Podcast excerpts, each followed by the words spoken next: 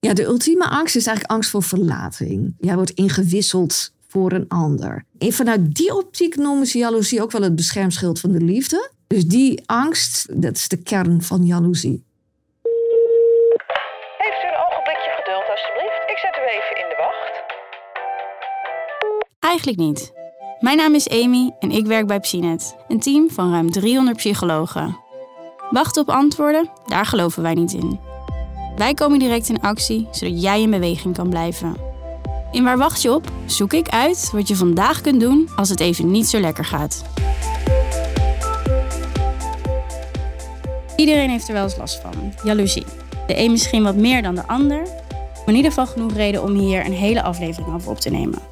Want wat is het eigenlijk? Is het een ziekte? Is het liefde? Is het gezond? Als iemand hier ons hier van alles over kan vertellen, is het wel Pieter Nel Dijkstra. Nou, dankjewel. Pieter je bent een sociaal psycholoog. Ja. en doet al jarenlang onderzoek naar sociale relaties. Je schreef hier eigenlijk ook tientallen boeken over. En eigenlijk is jaloezie in alles wat je doet een terugkomend thema. Ja, dat klopt. Als ik ook ga kijken waar mensen op zoeken op het internet, op Google, over jaloezie, dan kom ik ook vragen tegen als waarom ben ik ineens zo jaloers? Eh, hoe kom je van jaloezie af? Is jaloezie onzekerheid? Maakt jaloezie mijn relatie kapot? En hoe herken je ziekelijke jaloezie? Ik denk hele mooie vragen. Ja, dus dat geeft al een beetje aan dat het mensen het heel relationeel opvatten. Dus echt in de context van die partnerrelatie. Ja. Exact. Want als we het hebben over eh, jaloezie, heb- is dat dan echt een emotie? Ja, weet je, jaloezie heeft verschillende aspecten. Dus het heeft het aspect van de emotie. Dus je wordt boos of je voelt je verraden. Hè, als je ontdekt dat je partner vreemd is gegaan. Of je voelt je juist onzeker of bedreigd op het moment dat je denkt dat er iets aan de hand is, maar nog niet zeker weet. Dus dat zijn die emoties. Maar dan gaan natuurlijk ook allerlei gedachten in je rond hè, als je jaloers bent. En dat noemen we wel angstige jaloezie. Er zijn nou verschillende vormen van jaloezie. En de angstige jaloezie heeft heel te maken met allerlei gedachten die je erover kan hebben. En die vaak overgaan in piekeren, in gedachten van... oh, ben ik nog wel aantrekkelijk genoeg voor mijn partner? Houdt hij nog wel van me? En dan zit er aan jaloezie ook nog een gedragsmatige kant. En die heeft heel erg te maken met het ja, bijvoorbeeld controleren van je partners telefoon. Of het uitvragen hè, van waar ben je geweest en met wie. En hoe aantrekkelijk was die andere persoon. En wat heb je hem of haar allemaal verteld. Nou ja, et cetera. Hè, dus je hebt eigenlijk als het gaat om jaloezie een emotionele element. Een, een cognitief element, dus gedachten. Hè, die angstige jaloezie. En je hebt het gedragsmatige element. En bij de een persoon uit het zich vooral in emoties, de ander heel erg in piekeren ook. Bij de ander die gaat meteen over tot actie. Dus daarin kunnen mensen dus wat van elkaar verschillen in hun jaloezie-reactie. Wanneer is het ziekelijke jaloezie? Want je hebt natuurlijk ook dat bekende spreekwoord. Mhm. Ik word ziek van jaloezie. Hoe ziet dat eruit? Ja, in zijn algemeenheid kan je zeggen dat iets ziekelijk wordt als je eigenlijk in je inschatting steeds naast zit.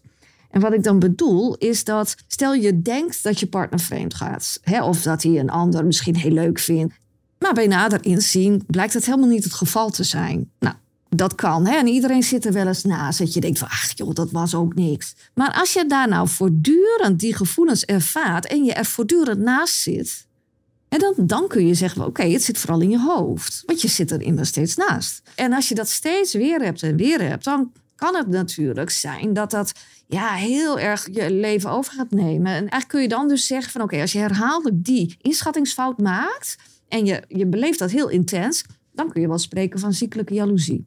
Ja. Een ander voorbeeld is bijvoorbeeld dat ik werd op een gegeven moment een keer gebeld door een man. En eh, die man die was getrouwd met een vrouw. En die vrouw was zwanger van hun tweede kindje. Nou, ze had al een eerste kindje. Nou, die eerste zwangerschap prima verlopen. Nu was zij weer zwanger. Maar nu was zij ineens enorm jaloers. Dus als die man thuis kwam van zijn werk of van iets anders, nou dan ze vertrouwde hem echt voor geen meter. En ze ging hem allemaal vragen stellen. Ze ging hem eh, bij wijze van spreken eh, dreigen van ik ga bij je weg als dit en dat. En die man zei ook aan de telefoon gewoon ik ben echt bang dat als ik er niet ben en zij is alleen met mijn eh, kind, dat zij zichzelf en, en dat eerste kind en, en dus ook het tweede dat nog in de buik zat, iets aandoet. Ook zoiets kan zoiets triggeren. Ja, die herken ik wel, ja. Ja, En bent- niet in, niet in zo- zo'n maat hoor. Nee. Meer dat ik, ik heb wel in het verleden veel vertrouwensissues gehad. En dan Ja. uitzicht dan denk ik ook wel een beetje in jaloeziegedrag. Mhm. En ehm, nu, door de hormonen van mijn zwangerschap, Ja. komt dat helemaal zo omhoog dwarrelen soms. En ik kan er gelukkig wel bij blijven. Dat ik denk, nee, dit is echt, wordt versterkt door de hormonen. Dus, ja, kijk. Maar soms dan is mijn vriend ook wat later thuis dan hij heeft gezegd. En dan ga ik hem gewoon 15 keer bellen. Heel irritant. En wat doet jouw vriend dan? Die is nu wel lief. Maar dat is ook omdat hij ook weet door de hormonen natuurlijk.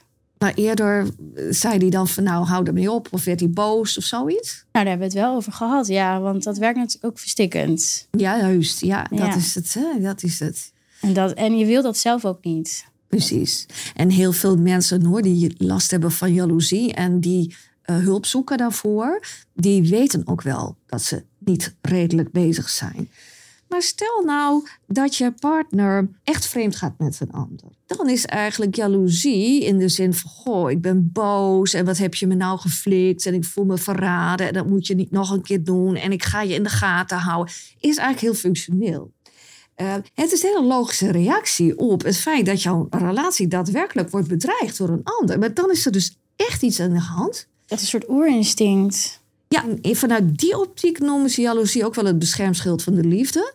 Hè, omdat het die functie heeft als er werkelijk iets aan de hand is. En je kan je dat natuurlijk ook wel voorstellen dat als jouw partner in bed ligt met een ander. Stel je hebt een monogame relatie en je partner ligt in bed met een ander en dat doet je niks, dat raakt je niet. Daar kan je ook vraagtekens bij zetten. Alleen het, het gaat dus mis uh, en het wordt een relatieprobleem als jij steeds die verkeerde inschatting maakt. Of als je, en dat zien we ook heel veel, als partners het eigenlijk niet met elkaar eens zijn over wat is nou eigenlijk overspel en wat niet. Partners die praten vaak helemaal niet over de grenzen van hun relatie. Ja? Dus uh, in het contact met anderen. Van wat mag wel, wat niet, wat vinden wij acceptabel, wat niet. Maar uh, het gevolg is wel dat dus heel onduidelijk blijft van wanneer gedraag jij je ja, bijvoorbeeld overspelig. Wanneer gedraag ik mij overspelig? Het is maar net wat jij zelf eronder verstaat. Zijn dit ook problemen, zeg maar, die vooral in het begin van je relatie zitten, of ook later? Want ik heb dit bijvoorbeeld met mijn partner in het begin best wel veel besproken. En dan ben je ook een beetje elkaars grenzen natuurlijk aan het Ja. ontdekken. Dus nu, volgens mij weten we dat wel een beetje van elkaar. Ja. Maar gebeurt dit bijvoorbeeld in jouw praktijk ook nog later, in een huwelijk? Ja, zeker. Ja, ik heb nu in gedachten een stel dat, uh, nou, ik denk al bijna 30 jaar getrouwd is. Ja, daar is in dat huwelijk eerder al eens overspel geweest hoor. Dus daar zit ook oud zeer. Op een gegeven moment had een man drie jaar lang appcontact met een collega. Dat waren verder geen seksueel getinte appjes hoor. Dat was eigenlijk meer. Hij, hij, vanuit zijn visie was het gewoon leuk, vriendschappelijk, maar wel ook persoonlijk. Dus toch dingen vertellen die je niet zomaar aan iedereen vertelt. En daarin had hij zijn vrouw eigenlijk niet helemaal meegenomen. Dus zijn vrouw wist wel dat haar man uh, WhatsApp-contact had met die collega en geregeld als even appte. Maar ze wist eigenlijk niet dat het zo ver ging, dat het zo intens was en dat het zo persoonlijk was. En toen ze daarachter kwam, ja, werd zij ontzettend jaloers. En dan komt ook het onderscheid tussen seksuele ontrouw en emotionele ontrouw om de hoek kijken. En zij vond dat hij emotioneel ontrouw was geweest. Hij vond van niet. Hij zei van, God, nee, nee, dit is gewoon uh, vriendschappelijk en oké. Ik, ik geef toe, ik had je daarin veel eerder mee moeten nemen. Hè? Van bijvoorbeeld eens appjes laten lezen, et cetera. Maar oké, dat hij zei ook van, nou, dat heb ik dan geleerd. Maar ik blijf erbij, het is vriendschappelijk. In dat geval ging de vrouw zich heel erg vastbijten. Of beide gingen zich eigenlijk vastbijten in hun standpunt. De vrouw ging al die appjes doorlezen. Ook om te kijken of er daadwerkelijk geen aanwijzingen waren voor seksueel contact. Nou, dat kon ze niet vinden. Dus daar kon ze op een gegeven moment zeggen... nou, ik vermoed dan... Oké, ik kan niet hard maken dat uh, er ook iets fysieks is geweest... maar je bent wel vreemd gegaan. En zij zaten heel lang in een wel eens niet discussie. Daar komen mensen nog vaak in terecht. Hè? Want ze zoeken beide erkenning voor hun gelijk. Uh, en daarmee kan je een relatie wel flink verknallen. Maar dat heeft er dan ook mee te maken dat blijkbaar eerder incidenten van overspel ook niet op een goede manier zijn uh, opgepakt. Bij jaloezie is vreemdgaan altijd de angst die erachter zit?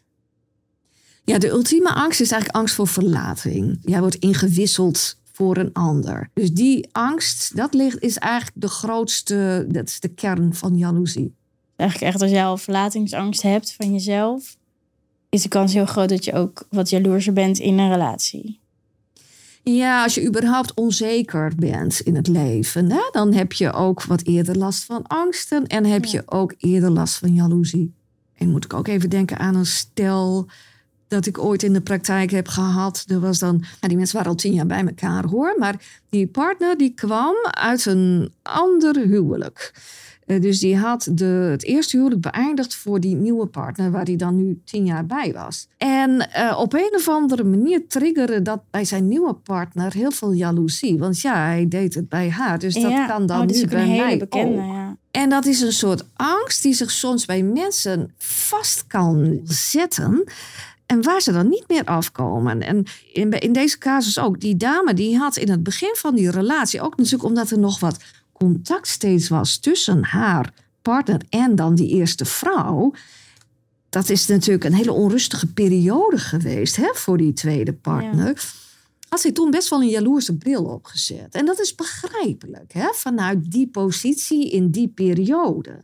En daar was het ook eigenlijk misschien wel functioneel. Zo van, goh, je komt toch wel naar mij toe, hè? En je gaat toch niet weer terug naar die vorige partner. Als je op je hoede bent, gewoon... Ja, dus toen was het functioneel. Alleen zij is niet in staat geweest om die bril af te zetten. Want die man heeft toen echt helemaal vol gekozen voor haar.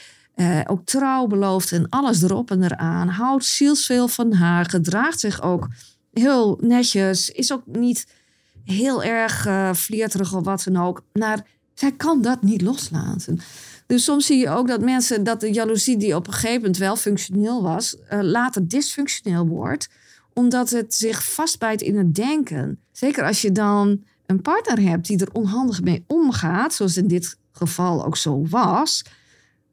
eh, die partner die zorgt ervoor dat die jaloezie eigenlijk in stand bleef. In dit geval bij die vrouw zat daar onzekerheid onder. Nou, dat is heel vaak zo. Dat is voor mij geen verrassing. Maar voor haar was dat wel een verrassing. En het bleek dat ze heel onzeker was over bepaalde uiterlijke kenmerken van zichzelf. En dat dat bij deze man een trigger was. In haar vorige eh, relatie niet, maar bij deze man, hè, dat komt alles op een of andere manier weer samen. En dan wam. Dus het was echt al een eye-opener voor haar. Dat ze zoiets had van, oh, ik ben eigenlijk helemaal niet jaloers. Ben gewoon onzeker over mezelf. En dat geeft natuurlijk al een hele andere focus. Want dan is de focus niet meer naar buiten gericht. Hè, die gemene partner die ook de hele tijd allerlei dingen misschien wel doet met andere vrouwen. Maar hé, hey, nee, ik voel mij onzeker. Hé, hey, potverdorie. Ja, zo had ik het nog niet bekeken. Hoe kan hij daar handiger mee omgaan? Ja, want je zou denken van, nou, het is toch niet zijn schuld. En hij, wat doet hij dan? Hè? Als hij zich Ah, ja. verder netjes gedraagt richting andere vrouwen. Hè? Nou, wat er gebeurde, daar wil ik ook heel graag jouw mening even over horen. Wat er gebeurde is dat die vrouw, hè, vanuit haar jaloerse gedachten, begon ze hem heel erg te controleren. Typisch, eh, dat zie je bij meer van dat soort stellen, is dat er een soort kruisverhoor plaatsvindt. Dus een kruisverhoor, bedoel ik daarmee, is dat die jaloerse partner, ja, als die ander dan bijvoorbeeld thuis komt, vraagt van, nou, waar was je, met wie? Ja, was ze aantrekkelijker dan ik? Eh, waarom moest het zo lang duren? Nou ja, allemaal dat soort vragen. En wat, wat zou nou daarin een verstandige reactie zijn, denk jij? En wat is een reactie die de jaloezie alleen maar versterkt? Boos worden. Denk, denk, als hij boos zou worden daarop, dan nou, hou eens Ja. op met die vragen. Ja. Ik zou dan wantrouwend worden. Kijk, oké, ja, dat, dat kan, dat kan. Hele begrijpelijke reactie. En deels eh, kan die werken, maar deels ook niet. Daar zit een andere kant aan, wat jij, wat jij zegt. Wat zou dan wel een reactie zijn waarmee je de ander helpt Nou. jaloezie te kaderen? Wat ik prettig zou vinden, zou gewoon antwoorden zijn. Kijk, Maar dan wel goede antwoorden. kijk, ja, daar gaan we al. Ja. Ja. daar gaan we al.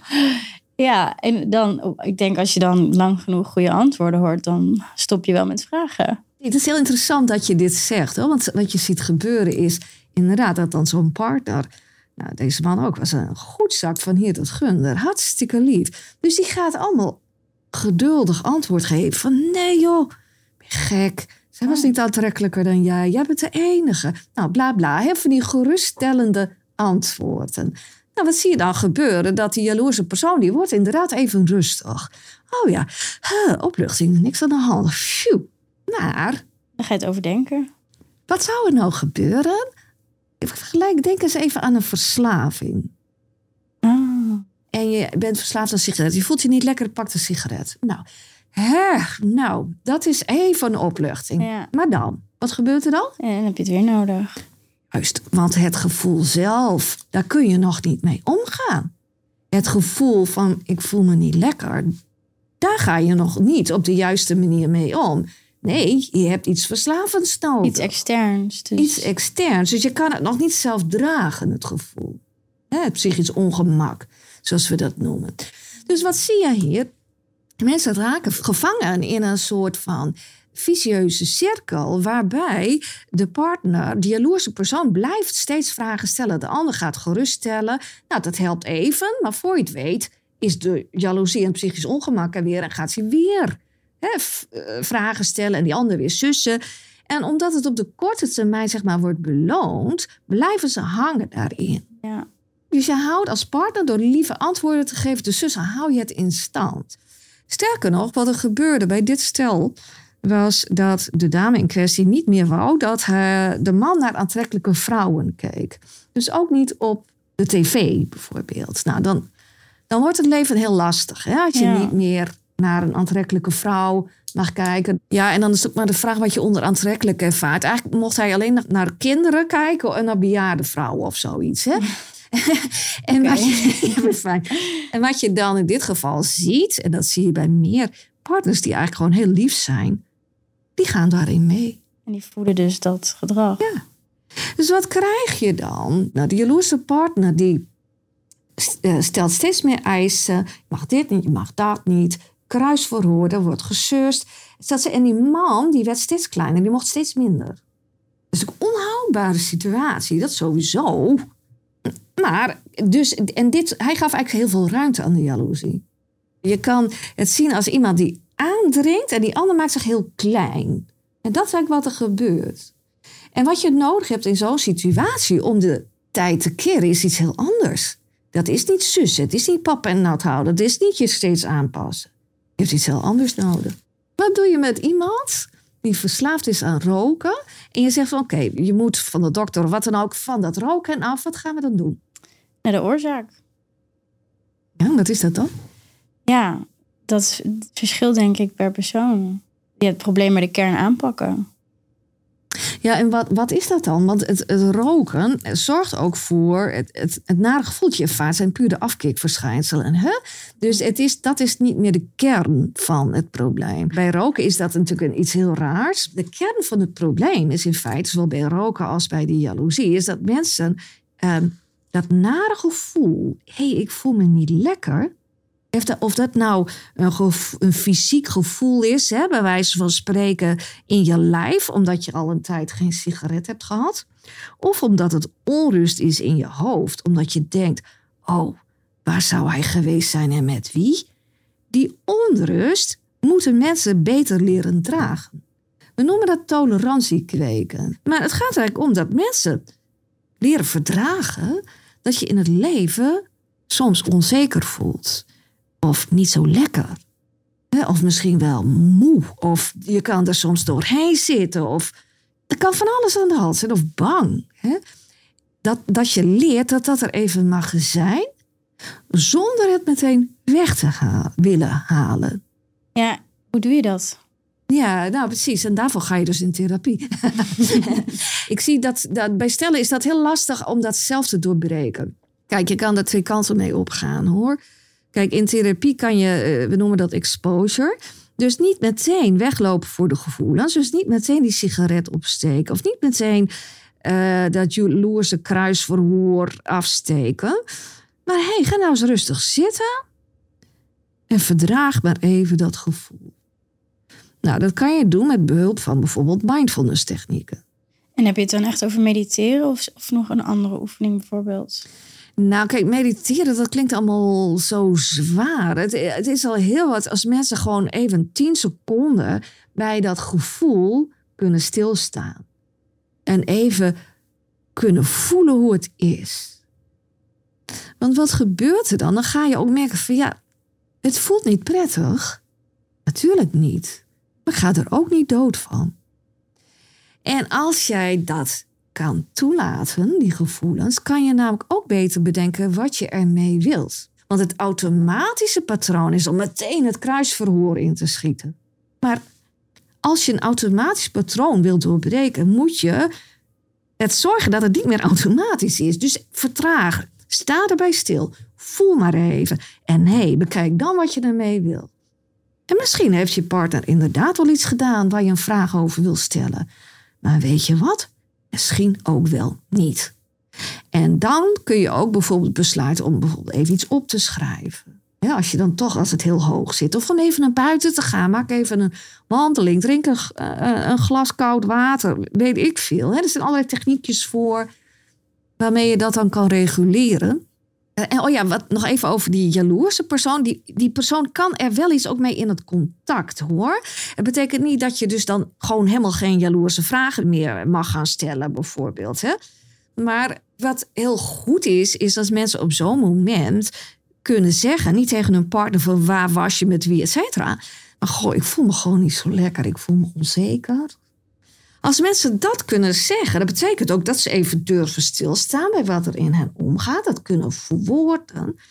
En dan kan de partner zeggen: Joh, nou dat vind ik nou echt vervelend voor je. Ja, want ik merk als ik dat doe, ja. dat mijn partner ook veel meer begrip heeft. Juist. Nou, hartstikke leuk dat je dat zo ziet. Want dan heeft jouw partner begrip, want die kan dat wel begrijpen.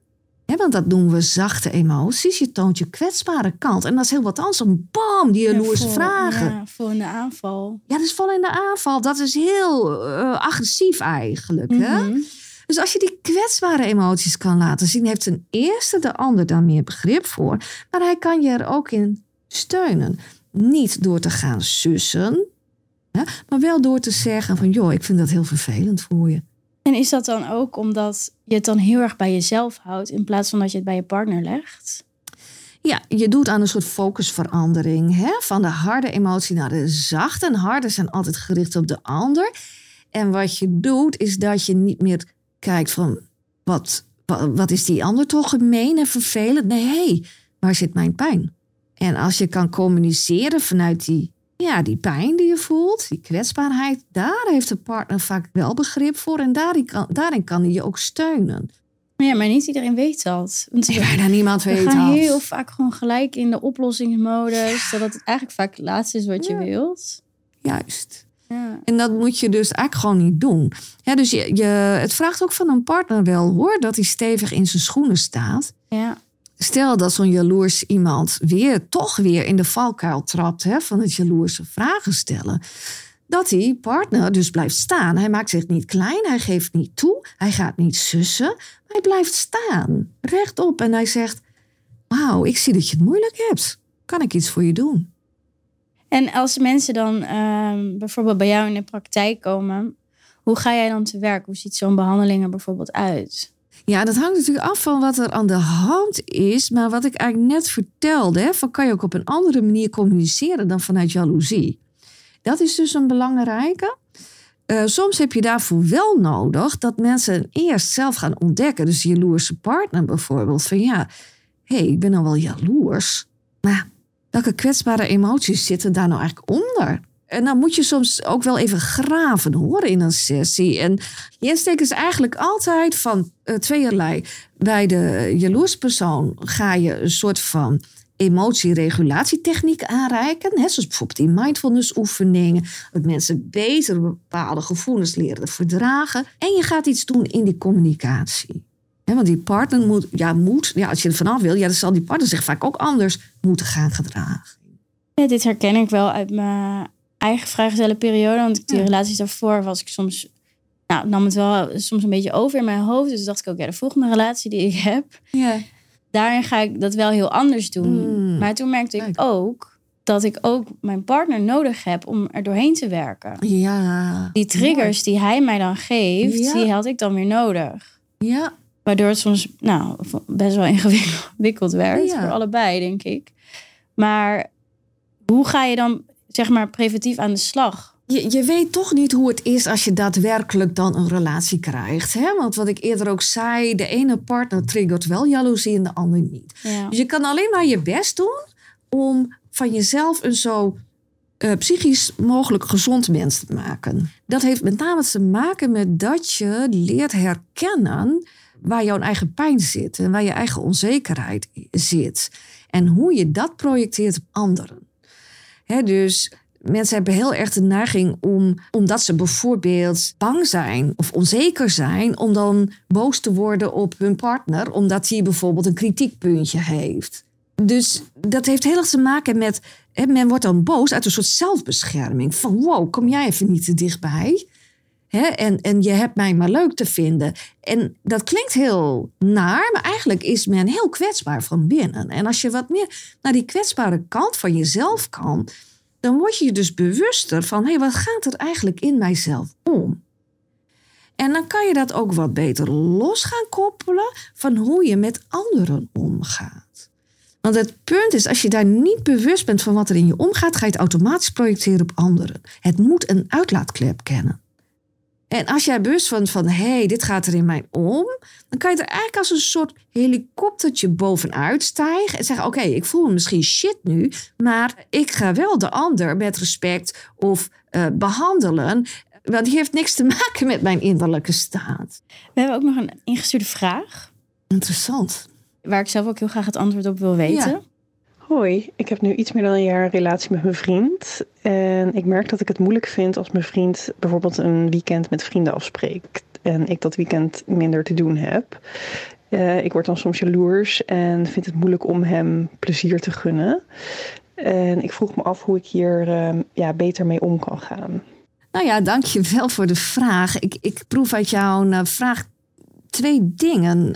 Misschien wel een stukje afgunst, maar ook een stukje jaloezie. Dat kan beide aan de hand zijn. Hè? Want je hebt het over, ik gun hem eigenlijk dan niet zo plezier. Dat, dat lijkt meer op afgunst.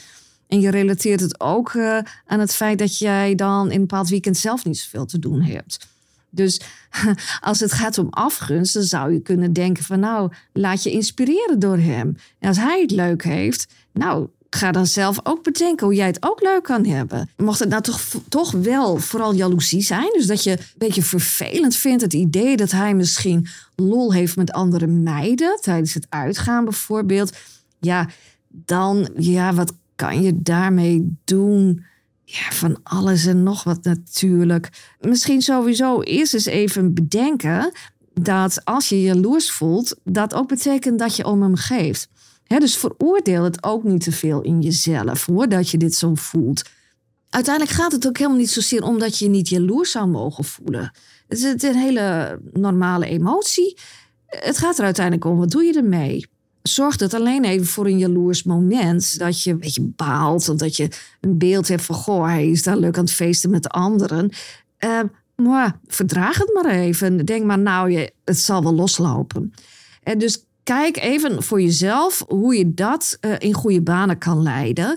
Ontspan ook daarbij. Hè? Als je zo'n beeld hebt van, oh, hij staat te dansen met meiden. Dan kun jij jezelf enorm mee opfokken. Maar je kan ook denken, ach, eh, laat ik eens even een eh, rustig ademhalen. Het zal allemaal wel loslopen. En ik hoor het wel als hij terug is van het weekend. Kijk, als je merkt dat je ook jaloers gedrag gaat vertonen dan is het een ander verhaal. Hè? Dan heeft het ook te maken met misschien achterdocht die niet terecht is. Hè? Dus als je hem gaat checken of kruisverhoren gaat eh, afnemen of wat dan ook. Mocht dit toch steeds terugkomen, en het gaat echt over jaloezie en andere meiden. Je hebt dan gewoon eens een goed gesprek over uh, de grenzen van je relatie. Waar kan je uh, op aan bij elkaar? Vind je het uh, allebei oké dat hij of jij met een ander intiem danst? Vind je dat bijvoorbeeld oké of juist niet? En ga dat gesprek gewoon eens aan. En daarmee creëer je ook een kader om je relatie heen. Hè? Dus kan je gewoon besluiten van oké, dit zijn onze afspraken. Hè? En ik ga ervan uit dat, hè, we gaan er beide vanuit dat we ons aan die afspraken houden. Als dat niet zo is, hè, spreek dan ook af van oké, mocht je partner of jij zelf een keer over de grens zijn gegaan, wees dan eerlijk daarover. Wees dan transparant. Zeg meteen: Ja, jongens, ik ben een beetje over de scheef gegaan. En ik vind het hartstikke stom van mezelf. Want dat versterkt juist het vertrouwen. Omdat je dan meteen zegt: van ja, dit had ik niet moeten doen. Want het geeft aan op dat moment dat jij die afspraken dus serieus neemt. Jeetje. Nou, Ja. heel erg bedankt voor je komst. Ja, graag gedaan. Echt heel waardevol. Dankjewel. Onlangs heb je ook samen met Arjen, en Arjen kennen jullie van de aflevering over relatieproblemen, ook het Tijd voor je relatiespel ontwikkeld. Ja, En wij mogen er een weggeven. leuk. Zou je daar wat meer over kunnen vertellen? Het is een soort kaartspel. Mhm. En eh, de bedoeling is dat je dat samen met je partner speelt. En in het kaartspel zitten eh, vijf thema's. En op elk kaartje staat een klein opdrachtje of een vraag die je kan stellen aan je partner. En eh, ja, het idee is dat je elkaar wat beter, nog beter leert kennen. En ja, nou, stiekem proberen we mensen bepaalde leuke techniekjes voor de communicatie en voor de onderlinge omgang eh, mee te geven. En het geeft even een positieve boost. Ja, lekker speels. Lekker speels, ja, Ja. hoor. Ik zou zeggen van ja, leuk als je er één Ja. kan winnen. Eh, als je nu luistert en je wil dit winnen, dan vragen we jou om in ieder geval een review voor ons achter te laten. En als je dat doet, ook even ons een bericht te sturen via Instagram. Zodat we ook weten dat je meedoet en we ook jouw gegevens hebben en je kunnen bereiken. Eh, de linkjes hiervan zetten we uiteraard in de show notes, dus die kun je daar vinden. Maar als je zoiets hebt van, ik wil op een andere manier met mijn partner aan de slag, omdat je dus nu heel veel dingen hoort, dit herken ik, dan eh, zou je eventueel ook het e-book kunnen downloaden met relatietips. Eh, je kan natuurlijk altijd in relatietherapie. En je zou eventueel ook de relatieboost kunnen doen. En dat is de APK-keuring voor je relatie. Pieter Nel, heel erg bedankt voor vandaag en deze aflevering. Graag gedaan. En luisteraars, tot de volgende keer.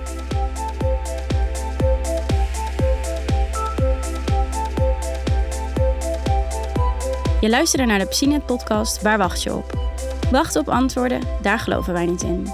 Daarom staan onze 300 psychologen altijd meteen voor je klaar. Ze denken ook graag met je mee over de beste hulp. Vond je deze aflevering interessant? Neem dan een momentje om een review achter te laten en je te abonneren op onze podcast.